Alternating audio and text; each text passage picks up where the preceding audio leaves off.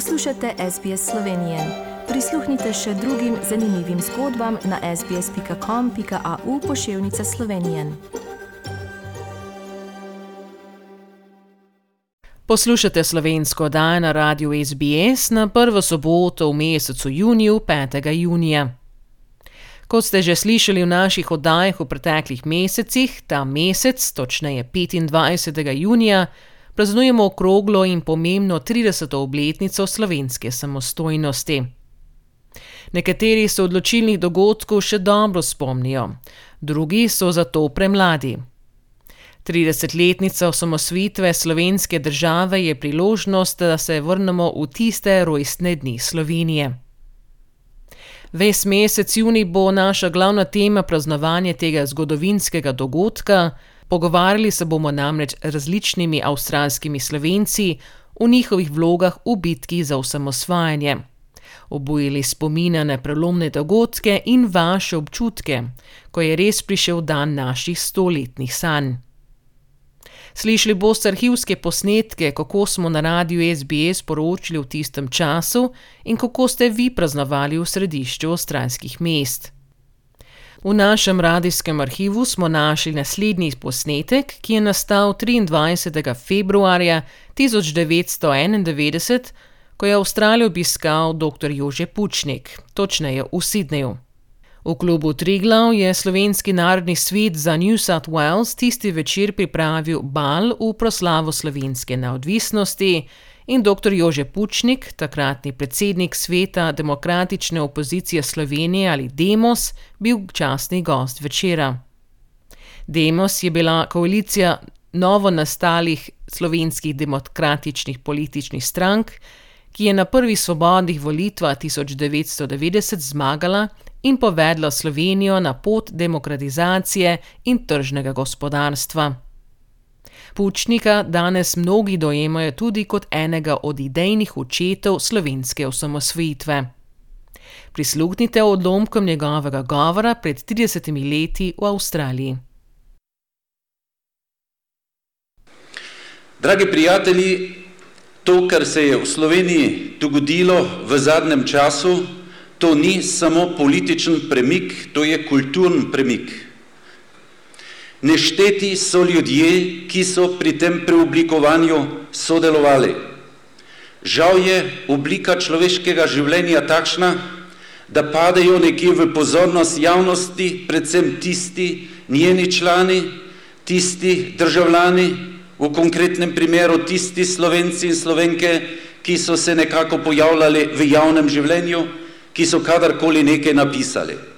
V anonimnosti pa žal ostajajo vse tiste stotine, vse tiste tisoči ljudi, ki niso zaradi svojega poklica, zaradi drugačnih interesov in tako naprej nikoli pisali člankov, knjig in podobnega, ki niso nikoli recimo doktorirali ali diplomirali, so pa nič manj kot tisti z diplomami delovali pri vsem tem premiku, pri vsem tem gibanju.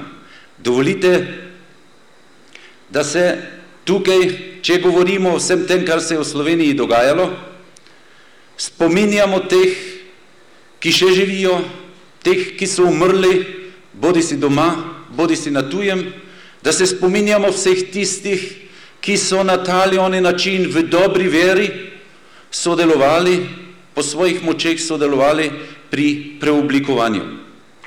Zato, dragi prijatelji, To, kar se je v Sloveniji zadnja leta dogajalo, to ni samo čista politika, to ni profesionalna politika. To, kar se v Sloveniji danes dogaja, kar se je dogajalo v zadnjih letih, to je pripravljanje, to je premik, to je ustvarjanje temeljnih pogojev, da bi se pre nas normalna, trezna, jasna, in odgovorna politika šele lahko začela. Mi, ki smo vsi po svojih močeh pri tem sodelovali, smo pripravljavci tega, da bi Slovenija tudi v svojem političnem področju postala normalna srednjeevropska dežela, kjer je politično delovanje normalno poklicno delovanje, podvrženo kritiki, kontroli in tako naprej, in da to delovanje ni nekakšno vratolomno, smrtno, nevarno ali kakorkoli nevarno početje.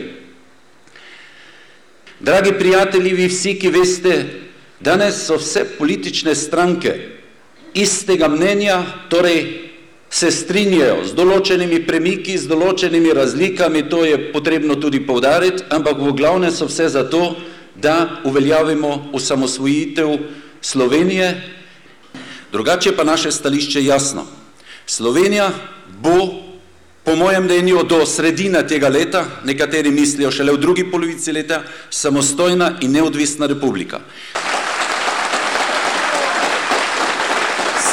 Slovenija bo prevzela odgovornost za obrambo, za lastno varnost v tem prehodnem obdobju sama v lastne roke in Slovenija ne bo s kakošnimi koli dejanji provocirala generalov.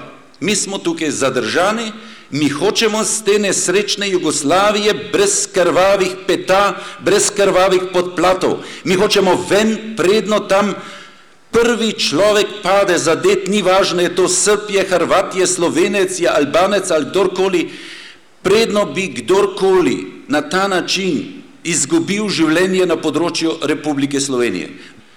Če bi bilo potrebno, se bomo odločno branili, branili bomo to, kar so slovenski državljani sklenili 23.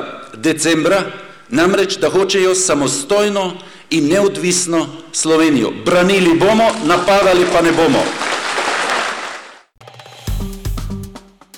Všečkaj, deli, komentiraj. Spremljaj SBS Slovenijo na Facebooku.